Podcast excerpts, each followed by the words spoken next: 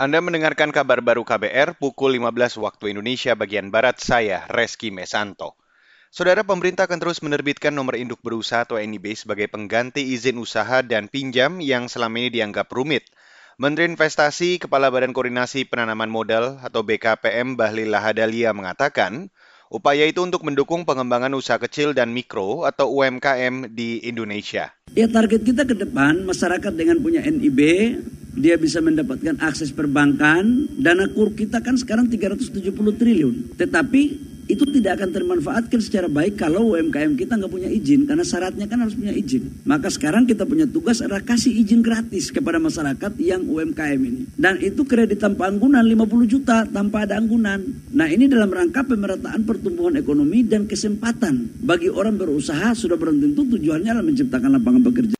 Menteri Investasi Kepala BKPM Bahlila Hadelia menambahkan telah menerbitkan 1,5 juta NIB. Dari total tersebut 90-an persen atau sekitar 1,4 juta di antaranya adalah NIB milik pelaku UMKM.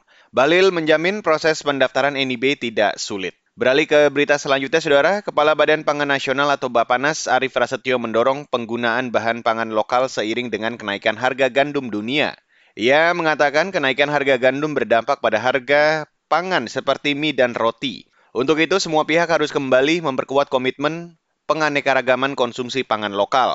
Dalam keterangan resminya, Arif menyebut Bapanas mendorong pelaku usaha baik BUMN, Perumbulok, dan ID Food serta sektor swasta bersinergi meningkatkan pendistribusian dan penjualan produk pangan lokal alternatif.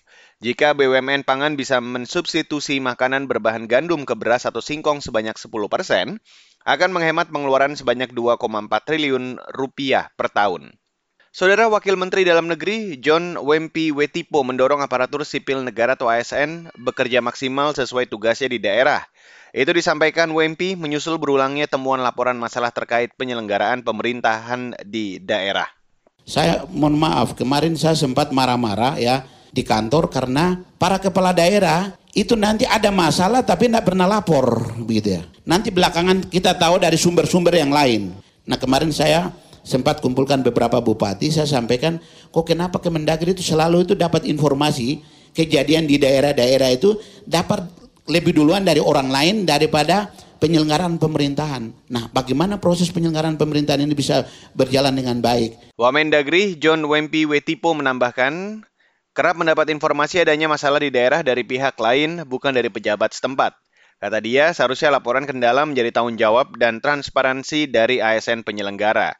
Ke depan, ia berharap calon ASN bisa menghadapi tantangan yang ada dan memiliki komitmen bersama dalam menjalankan pemerintahan. Dan saudara, demikian kabar baru saya Reski Mesanto.